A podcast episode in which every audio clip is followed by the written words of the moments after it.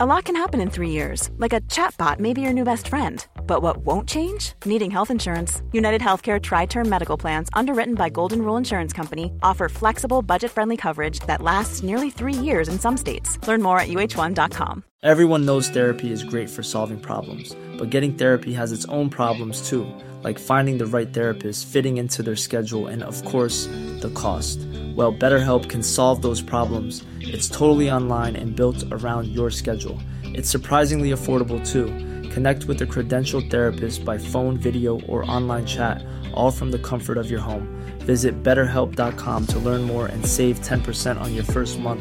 That's BetterHelp, H E L P. It's that time of the year. Your vacation is coming up. You can already hear the beach waves, feel the warm breeze, relax, and think about work. You really, really want it all to work out while you're away. Monday.com gives you and the team that peace of mind. When all work is on one platform and everyone's in sync, things just flow wherever you are. Tap the banner to go to Monday.com.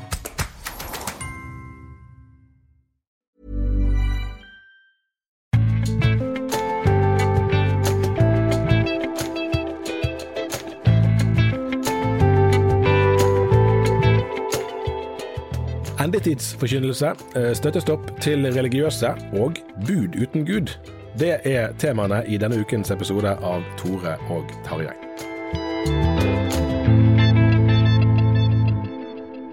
Tore Hjalmar Sævik og meg sjøl, Tarjei Gilje, er på plass i studio. Og jeg vil først spørre deg i dag, Tore Hjalmar. Misunner du dine kolleger som har som jobb å dekke det amerikanske valget journalistisk? Ja, Valget er jo ikke ennå, men valgkampen er opptakten til den? Det er vel et eh, både og. Jeg syns USA er interessant, og jeg opplevd det veldig stimulerende å være der på reportasjetur. Men hadde det òg vært demotiverende nå, egentlig? Nå var det en riksrettssak ja. mot en statsråd, så jeg. Det er jo veldig mye styr, da. Og, veld, og jeg syns noe av det som, som, er veldig krevende, det er jo når det blir så ekstremt ulike virkelighetsforståelser. Mm. Og, og, formidle det, det kan jo bli ganske frustrerende. Så, så det er nok en del av uh, en del av amerikaromantikken, tror jeg med mange, og meg sjøl inkludert, så, så jeg falma litt. For det er noe med i hvert fall når, altså En ting er når det er uenighet, det skal det jo være i et demokrati, og det er det jo der det finnes mennesker. Men når mistroen får feste seg så sterkt som den ser ut til å ha gjort her, så blir jo normal samhandling vanskeligere. Og det rammer jo f.eks. nå Ukraina. Ja, det er ganske store konsekvenser både internt og eksternt. Sånn at det, det, er, det er jo ulykksalig på så mange måter. Hvis man har anlegg for bekymring, så får man hjelp nå. Eh, ja, for så vidt. Men jeg tenkte kanskje at vi skulle også ta opp en annen ting som er helt dagsaktuell i dag. Da, og Det er jo at det er askeonsdag ja. vi nå tar opp. Ja. Og det betyr at eh, fastetida begynner. Og den er kanskje altså det, det er jo noe som kommer igjen fra år, eh, år, til år, men jeg funderer litt på, på om, om, den kan ha et potensial da, ja. eh, som ikke er tatt ut. Eller at, at den, mm. vil den bli gjenoppdaga på et eller annet vis? Den Ja, godt spørsmål. Det er kanskje litt symptomatisk at det var sikkert mange flere som feiret fastelavn på søndag. Fastelavn som jo vel betyr farvel til kjøtt. Ja. Eh, som gjerne vil ha festen uten fasten. Og eh, vi er jo nå blitt vant med at NRK sender festen før fasten. Ja. som, jeg husker det fra, fra Nederland for en del år siden. Jeg syntes det var veldig rart når jeg, jeg leste en eller annen artikkel at det hadde blitt eh, forklart at faste det var kristen ramadan. ja. Fordi fenomenet var så ukjent for vanlige sekulære ja, ja. nederlendere. Men at muslimer faster, det, det kunne en på en måte relatere til. Det er det veldig fascinerende i det der. Jeg snakket med en lærer, eh, en kristen lærer eh, for ikke så lenge siden som fortalte at han i forbindelse med å kjøre barn til fotballtrening, så hadde det vært en eh, muslimsk et, et barn som var i klasse med barnet til vedkommende lærer. Og han kunne da lære dette barnet litt opp i islamsk teologi, for det hadde ikke barnet noe særlig greie på sjøl. Men det var veldig bevisst på at det var et muslimsk barn. Sånn at den, og Det har vi jo hatt litt eksempler på før når vi har snakket med folk rundt eh, omkring på reportasjereiser, at eh, frimodigheten eh, ser nesten ut til å være større hos en del av, vår, eh, altså av de som er, som er, kommet til Norge med muslimsk bakgrunn, enn hos nordmenn som har bodd her i generasjoner.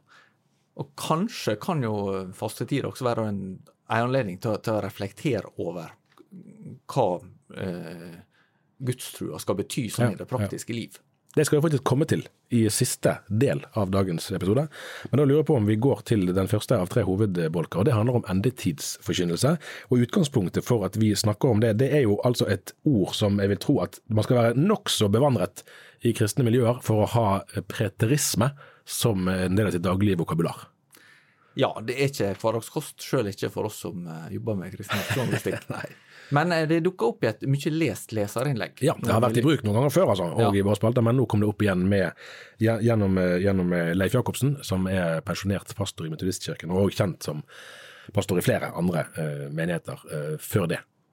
Ja, og han har skrevet en bok om Jesu gjenkomst, og han, så vidt jeg forstår det, så står vel han i en ganske sånn um, eh, tradisjonell eh, forståelse som har vært vanlig i frikirkeligheten og lovkirkeligheten, uttrykt eh, med et annet fremmedord, dispensasjonalisme, som handler om at en eh, forstår historia i en slags altså tidshusholdninger eller perioder. Her har vi flere begrep som neppe er en del av eh, dagligtalen spesielt mange lenger. Stemmer. Ja. Og det handler jo noe om hele, hele bibelhistorien, hvordan en, ja, En, en, tenker fase for fase. Og nå er vi i det som heter menighetens tidsalder. Mm. Men så ligger det noe framfor oss.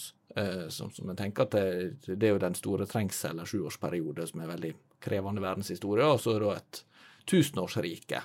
Og det er riket for Israel, sånn som jeg forstår det. Og Det er jo knyttet til tids, tidsaktuelle begivenheter, for dette er jo vært en del som, som har tenkt på at når det og det skjer i Midtøsten, så er det et tegn på at nå nærmer det seg. Nettopp. For, nett, for forståelsen av Israel er jo en viktig sånn tolkningsnøkkel i dette. Ja, Men preterismen den har jo ikke det som en, et element på samme måte. Nei, at, nei. at en tenker at Israel har en sånn rolle i et slags endetidsdrama. Første gang jeg hørte ordet, så lurte jeg på om det var noe med Peter. Men det har noe med preteritum å gjøre. Det er jo kanskje litt hjelp, for det vil jeg tro er et begrep som litt flere, i hvert fall som husker litt av norskundervisningen på skolen. Ja, Det handler om fortid. Nettopp. Det, det er noe som er tilbakelagt. Ja. ja.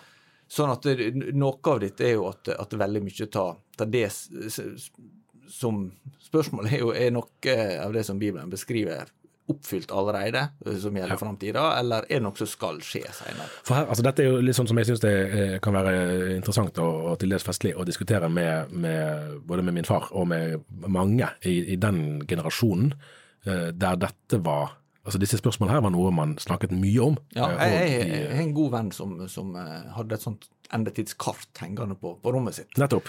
Aure Beck. Eh, ja, altså det, det fantes en norsk utgave. Og det finnes jo mange internasjonale ja. utgaver. Eh, sånn at det, det er eh, det er nok et fenomen som jeg tror folk stort sett må være eldre enn oss for ja. å, å, ha et forhold til. Nettopp. Og så kan det jo være sånn at, at hvis man eh, lager seg voldsomme tankebygninger om forhold som uansett ligger mer eller mindre langt frem i tid, eh, så kan det jo være ganske vanskelig å komme til rette med det. Eh, lettere blir det jo hvis man kan peke på at min forståelse av endetiden har et eller annet å si for livet i dag. Og det, eh, for Jeg prøvde å tenke litt på dette når jeg leste disse tekstene, både den fra Leif Jacobsen og andre som er relatert. At for eksempel så går jo mange karismatikere rundt og, og kjemper med hvorfor mirakler var så vanlige i evangeliene, men er så lite vanlig hos oss i dag. Og Der vil jo en del i et endetidshistorisk liksom, skjema mene at nei, men det, det er ikke noen grunn til å forvente de store miraklene i denne tiden, og da går man heller ikke rundt og er skuffet. Så det kan jo være, Uten å ta stilling til selve den vurderingen, så er jo det et eksempel på, på hvordan man leser Bibelen og hvordan man forstår disse tekstene. Kan ha en del å si for hva slags forventninger man møter samtidig med. Blir ting bedre, blir ting verre, blir det vekkelse eller blir det svekkelse? Det husker jeg Jan Retteland skrev om i Budbæreren, Frikirkens eh, daværende avis for mange år siden. Eh, sant? Skal man gå rundt og forvente at det kommer et stort gjennombrudd, eh, og at Norge blir kristent på nytt? Eller er det mer sånn at det er en liten rest som kommer til å holde ut til enden? Hvordan man forstår Endetiden har jo en del å si for hvordan, hvordan man òg ser på sin egen tid, og det kan jo bli en kilde til frimodighet eller mismot. Alt etter sånn. Ja, altså, så tror jeg at det, det, det, det er et veldig interessant eh, anliggende som Oskar Skarshaug, mangeårig professor i kirkehistorie på MF, eh, tok opp i en bok som kom rett før årtusenskiftet. Det var jo en del som hadde forventninger eh, knyttet til det, at det kunne være en slags eh, eh Y2K, ja, year 2000. At, at det, det, var et særlig Alle datamaskinene kom til å kollapse. Ja. og Eh, og, og du har hatt andre perioder, enten det går på seksdagerskrigen i 1967, eller går på, eh, på Oslo-avtale på 90-tallet, eller det, det var eh, Første verdenskrig var jo mange som tenkte, og Mussolini måtte være antikrist. Så. Så, så det finnes ganske mange eksempel på at folk har fortolka sin egen samtid i lys, eller som bekreftelse Mm. på eh, endetida. Og hva med svartedauden på, på eh, 1300-tallet, og, og hva med Jeg er jo, jeg er jo eh. Arsenal-tilhenger, så jeg hadde måttet lære barna mine hjemme hvorfor heter Martin Ødegård Ja. etternavn. Det er du ikke alle som tenker på. Nei, det var jo mange gårder som ble Ja. nedlagt. Og at det er faktisk 600 år, 700 år senere, så er fremdeles det navnet i bruk fordi det var gårder som i dag øde. Ja. Men poenget til Skarshaugen det var at det, i kirkehistoria så øh, Den boka heter 'Tusenårshåpet'. Fins på Nasjonalbiblioteket digitalt for den som måtte ha lyst til å kikke litt i den. En ganske kort og interessant bok. Um, den handler om kristen endetidsforventning gjennom 2000 år. Eh, og, og det er denne spenninga som han beskriver, da, mellom det at endetidsforventning har alltid kjennetegna kristne, og så kan du si i eh, etterpåklokskapens lys så er det en del ting som eh, du tenker ja ja, dette var jo ikke så veldig rimelig tolking av ting, og du ble litt nærsynt her og sånn. Men løsninga på det er jo ikke å si at eh, da bare glemmer vi å snakke om endetidsspørsmål i det hele tatt, for at dette her er jo, folk har jo alltid bomma før.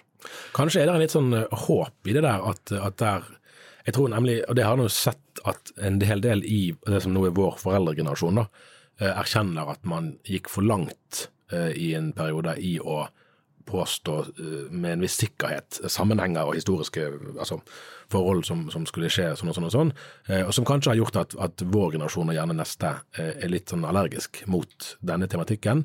Men det er jo samtidig en tematikk som, som absolutt er omtalt mye i Det nye testamentet.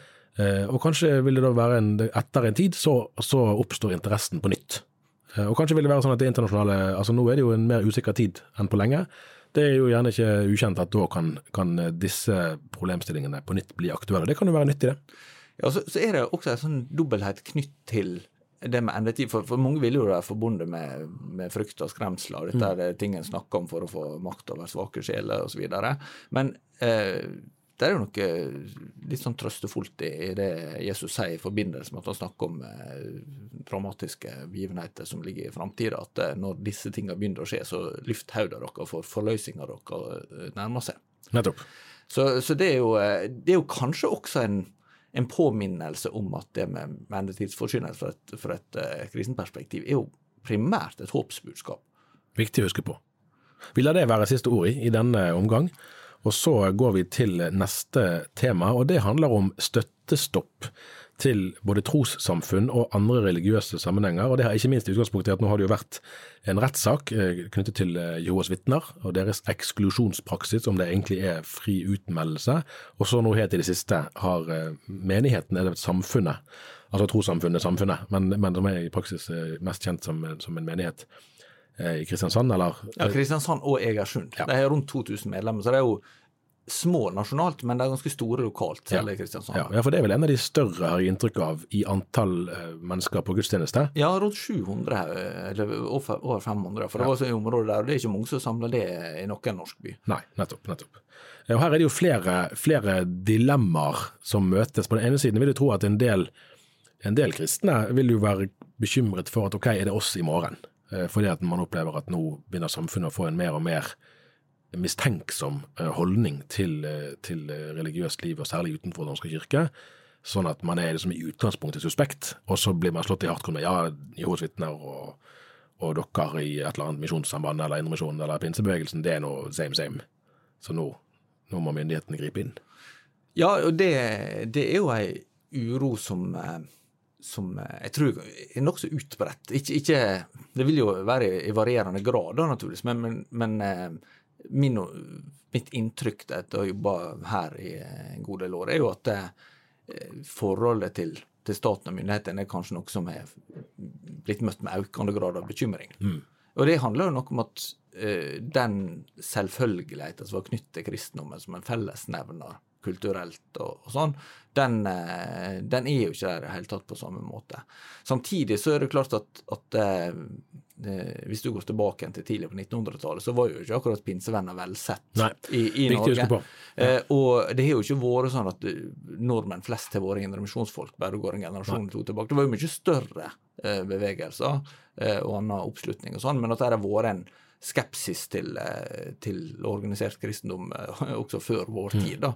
Det, det er jo klart at, Mm. Ja, og Det er kanskje litt fare for at vi i dag glemmer litt det der og tenker at alt var før gikk det Ja. smooth. Nå er det veldig vanskelig. Og, og så er det jo dette at, at jeg tenker eh, I en norsk sammenheng så er det med trosfrihet eh, kanskje eh, lett, lettere for å havne under press, fordi samfunnet er så sekularisert. At, at du er mindre vant med at aktivt trosliv er en eh, helt sånn grunnleggende og kanskje djupeste eh, identitetsmarkør, eller ja, nøkler til, til hvordan folk forstår seg sjøl og innretter livet sitt. Eh, samtidig så er det klart at vi, vi har jo et eh, en grad av sjenerøsitet eller frihet og sånn som, som en heller ikke skal undervurdere. Altså det, det er et eller annet med, med å, å, å greie å være takknemlig for de mulighetene som finnes, og ikke dyrke en sånn eh, ja, det er noe med å ikke bli paranoid, men, men, men eh, samtidig ikke ukritisk. Så, så det er en sånn balanse da, som, som er og, og jeg tror eh, Jeg syns det var interessant nå i forbindelse med at eh, eh, det kom opp i denne saka med mi- misjonærbarna, så, Ja. så sa jo Abid Raja, som eh, eh, stortingsrepresentant for Venstre og tidligere eh, likestillings- og kulturminister, at eh, om dette var nok et eksempel på at eh, barn ble ofra av religiøse interesser. Eh, og, og det er klart at for han som kommer utgangspunkt fra en ganske konservativ, religiøs, mm. muslimsk bakgrunn, så er det lett å tenke at ja, men dette her er jo akkurat det samme som jeg kjenner fra, fra eh, min sammenheng, eller liksom ting, sammenhenger jeg, Ja, eh, ja. mine foreldre og sånn kommer fra. Og så vil jo de fleste eh, aktive kristne i Norge tenke eh, at dette er noe helt annet. Ja, Eh, så- Sånn at en, en får noen utfordring med å, å eh, møte ei offentlighet som er mer skeptisk, men det er, det er liksom en kunst å gjøre det på en konstruktiv måte. da. Altså det, Med å forsvare helt grunnleggende rettigheter, og så samtidig forstå at eh, altså, selv om trosfrihet er helt, eh, helt sånn avgjørende for at et samfunn virkelig skal være demokratisk og fritt, så, så vil ikke en kunne liksom tillate hva som helst så lenge det er religiøst. Nei, og Det er kanskje der det er et sånn dilemma at eh, altså, eh, du- når Vi snakket sammen litt før opptak, og da bare sa du så enkelt at det finnes sekter. Ja. det gjør det jo. Eh? Og, og egentlig vil vel ingen sånn på prinsipielt grunnlag si at, at et religiøst eh, samfunn skal ha rett til å gjøre hva som helst, bare fordi de er religiøse. De kan ikke bruke religionsfriheten til å unnskylde hva som helst. Så det går jo en grense et eller annet sted, og da er jo den åpenbare risikoen at alarmklokkene ringer hos kristne på et, et grunnlag som egentlig ikke handler om den saken man snakker om der og da, men man er redd for at oi, hvis jeg aksepterer at dette skal skje, så rammer det i morgen eller om en uke eller om et år, så rammer det meg. Eh, Og Det kan jo selvfølgelig være, men det er ikke sikkert at det gjør det. Og Det er litt sånn her slippery slope-argumentasjon, altså eh, nedadgående spiral, eh, er jo alltid litt sånn risikabel, for da kan du jo eh, du kan ende på mange uønskede steder da, hvis du lar være å sanksjonere uønsket atferd fordi at du er redd for at sanksjonene i neste runde kan, kan ramme noe annet. Ja, og jeg tror at den, den muligheten er det nok med å være, være våken for. Der er, jo et, eh, er jo et sitat fra Martin Niemöller, som var en eh, tysk eh, kirkeleder under andre verdenskrig, og som er kjent for et sitat som er gjengitt sånn. Først kom de etter sosialistene, og jeg sa ingenting, for jeg var ikke sosialist. Så kom de etter fagforeningsfolkene, og jeg sa ingenting, for jeg var ikke fagforeningsmedlem. Så kom de etter jødene, og jeg sa ingenting, for jeg var ikke jøde. Så kom det etter meg, og det var ingen tilbake som kunne tale min sak. Ja, og der har du jo, Det er jo liksom den ene innfallsvinkelen. Helt klar, veldig tydelig uttrykt. Det har jo vært brukt om ja, det, det, det, Jeg lurer på om ikke det står nesten oppslått på Holocaust-museet i Jerusalem. Ja, For der er jo en veldig sikkert stemme. sånn brutal eh, realitetsorientering i det. Så, så, sånn at der er, der er noe prinsipielt som jeg tror er, er veldig viktig, da, ja. og, og som, eh, som eh, med god grunn å være våken for. Og så er det samtidig å kalibrere og, og liksom eh, ha et eh, Altså ikke, ikke, ikke verken undervurdere eller overvurdere. eh, Altså er det jo, dette er jo, dette er jo for så vidt også en, dette er jo nesten en marsjordre til oss sant, som jobber i den kristne pressen, fordi at hvis vi lar være å påpeke kritikkverdige forhold i egne sammenhenger, så øker jo gjerne risikoen for at da blir, de, da blir flere tatt med i dette dragsuget. For hvis myndighetene, hvis Abid Raja da ser at ok, her er det et eller annet som skjer som ikke blir ordnet opp i, da må jeg som politiker ta ansvar. Og så er det gjerne flere som blir rammet av det. Og Da er det jo en utfordring å klare å ivareta. og det, det, Der er jo egentlig denne misjonærbanedebatten et ganske godt eksempel på det, der man må si at, at deler av, eh, deler av altså, dette skjedde i en kontekst der det var flere som hadde lignende former for lignende praksiser, eh, og at man må ha en sånn kontekstuell eh, horisont og forstå det i sin tid. Men samtidig så må man kunne kritisere eh, og si at dette var ikke bra. Her var det forsømmelser som skjedde, og her var det systematisk svikt på et eller annet nivå. da. Det vi jo granskning måtte avdekke. Men at man må kunne snakke om det uten at man dermed kompromitterer misjonskallet, f.eks. Du, Da går vi videre til del tre, eh, og da, da skal vi på, på et dypt eh, eksistensielt plan her, tror jeg. Det skal vi. Og du har vært i en debatt. Du har ledet en debatt. Ja, altså laget arrangerer eh, Skepsisuken. Laget Norges kristelige student- og skoleungdomslag, som fyller 100 år i år. De arrangerer Skepsisuken på den tiden her eh, hvert år. Så på mandag så var jeg med i en, eh, i en sånn panelsamtale på Studentsenteret her i Bergen. Det var jo litt festlig, for da var vår kollega Sofie Braut med i panelet. Eh, hun jobbet jo i laget før, og ble vel spurt om dette mens hun jobbet der. Eh, Generalsekretær Karl Johan Kjøde i laget var med, og så var det da to representanter fra Human-Etisk Forbund, nemlig leder Kristian Lomsdal og Som har vært gjest her. Riktig. Og eh, rådgiver innen livssyn, Didrik Søderlind. Jeg spøkte litt med å prøve å plassere han, for han har jo, det må jo nesten kalles en teologstilling.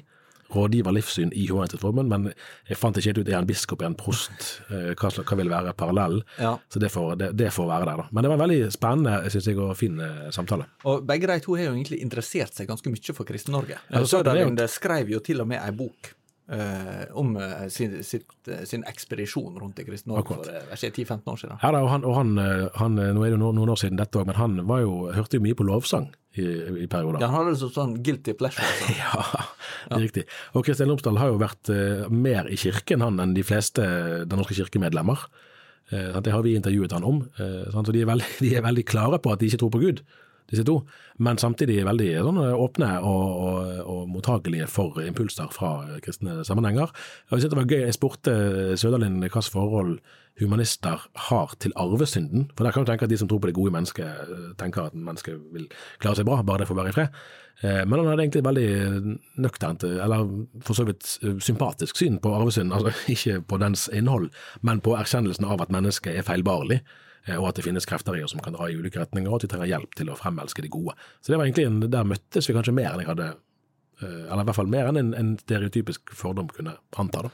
Men hvordan eh, tenker du om mulighetene for livssynsdebatt eh, i lys av det du opplever der? Hva kan du tar med deg, eller hva kan folk ta med seg ut fra det, det som kommer fram i en sånn samtale? Overskriften var 'Bud uten Gud', altså om det finnes eller om det er mulig å opprettholde en objektiv moral uten at den har et guddommelig utgangspunkt. Dette er jo litt det som, som Espen Ottosen i Misjonssambandet skrev eh, både, både altså masteroppgave i filosofi om og skrev bok om. Ja, og var også gjest for å snakke om her. Ja, takk, det, finnes, det også finnes i arkivet. Ringene sluttes i alle retninger.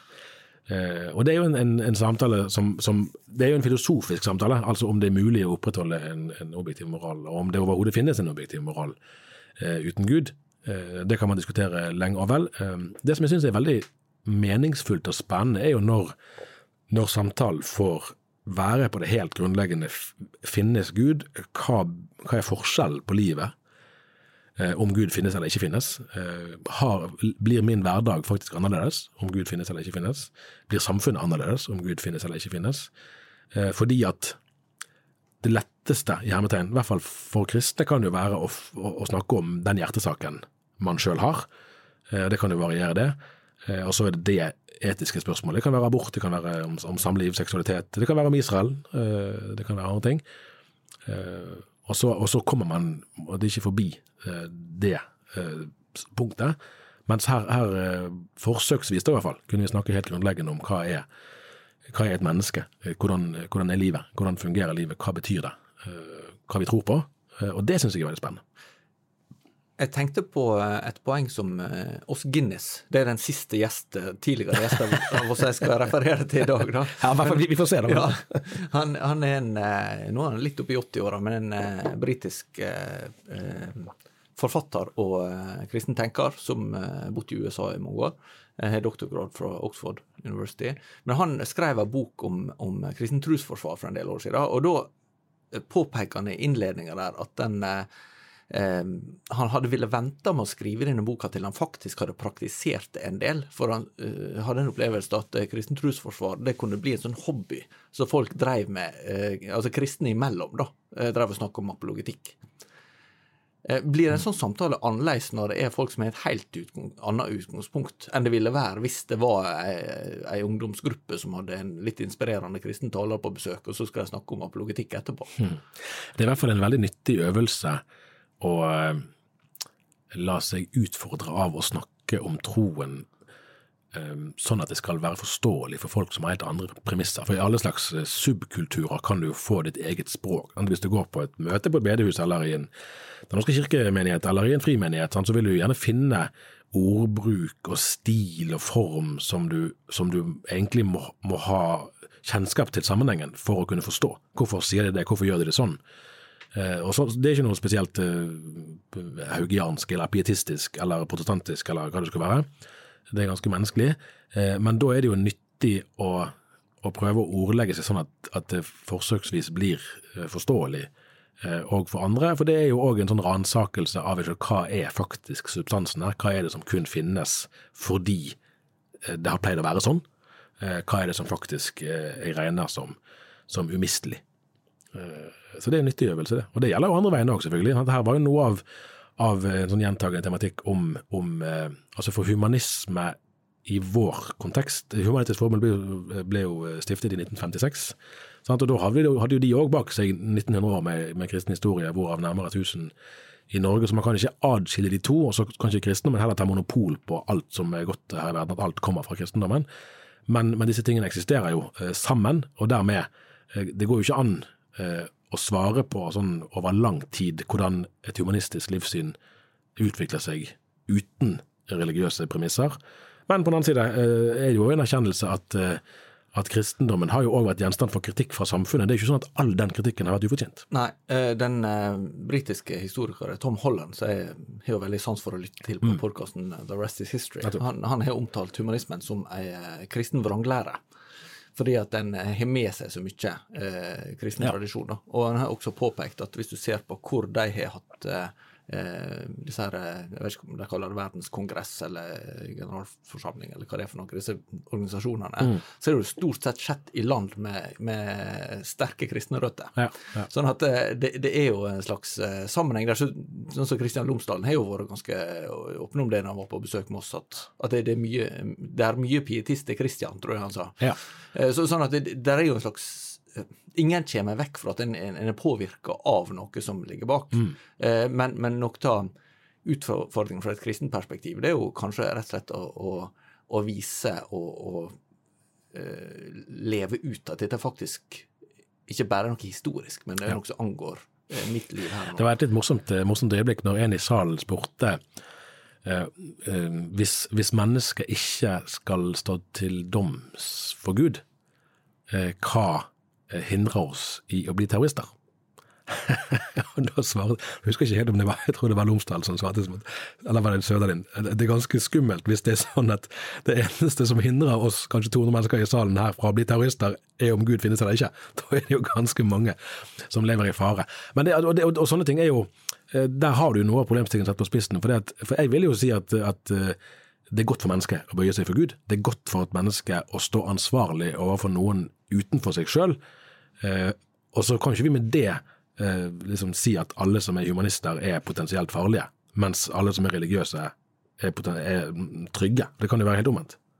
Altså, samtidig så er det noe med å si at hvis du tenker at, at uh, det finnes en, en, gud som er skapt og med hensikt, mm. og sånn, så sier jeg det at tilværelse frams... Altså hvis alternativet til et, et, et, et, univers som er en ren tilfeldighet, mm så, så er det jo underlagt helt andre vilkår. Ja. Så, så er det noe med å, å tenke igjennom altså, eh, hva, hva, implikasjoner ligger i det livssynet en har. Det var litt interessant. Jeg var på altså, uken i forrige uke, eh, det snakket vi kanskje om siste uke, det husker jeg ikke helt. Eh, da var jeg på Vestlandskonferansen i Grieghallen i regi av Sparebanken Vest. Og der, eh, der var Henrik Syse, eh, som er presentert seg selv som filosof og søndagsskolelærer. Nå kan det være gjenta meg sjøl. Ja, jeg tror kanskje du gjør det. Men, men poenget passer veldig godt eh, her, da. fordi at han snakket om inherent dignity, altså nedarvet verdighet. Eller iboende verdighet, var vel den norske oversettelsen han brukte. Men i det engelske inherent så sier du at det er nedarvet. Det kommer fra et sted, og hvor kommer det da ifra? Sant? Og Hvis du sier at menneskerettighetene stopper i menneskerettighetene, så gjør det jo altså Det gir jo mening i en forstand, det, men da er jo ikke de mer enn 70 år gamle cirka, etter andre verdenskrig. Eh, Og det vil man jo trygt kunne si er et sårbart grunnlag å bygge eh, noe på. Når, når, eh, altså I motsetning til at den kristne kirken kan si at den bygger på mange tusen år med jødisk kristen historie. Ja, og menneskerettighetene oppsto jo i en kristen Ja, ja, kulturkrets. ja, ja. Så det er jo mye av det samme samvirket kan du si finnes der. Ja, Skulle du ha innvendinger mot det vi her har sagt, så kan du sende oss en e-post. på tarjeikrøllalfadagen.no. ja, Jeg tar ansvar for det, ja. ja, ja. Det tror jeg var det vi rakk. Det var det vi rakk. Men vi er tilbake neste uke. Takk for nå. Ha det bra.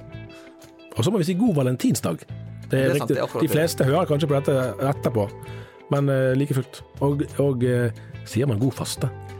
Ja, det, det, vi vil iallfall ønske folk en fastetid. oppfordre folk Ja. til å markere fastetid. Ja. Ha det bra så lenge.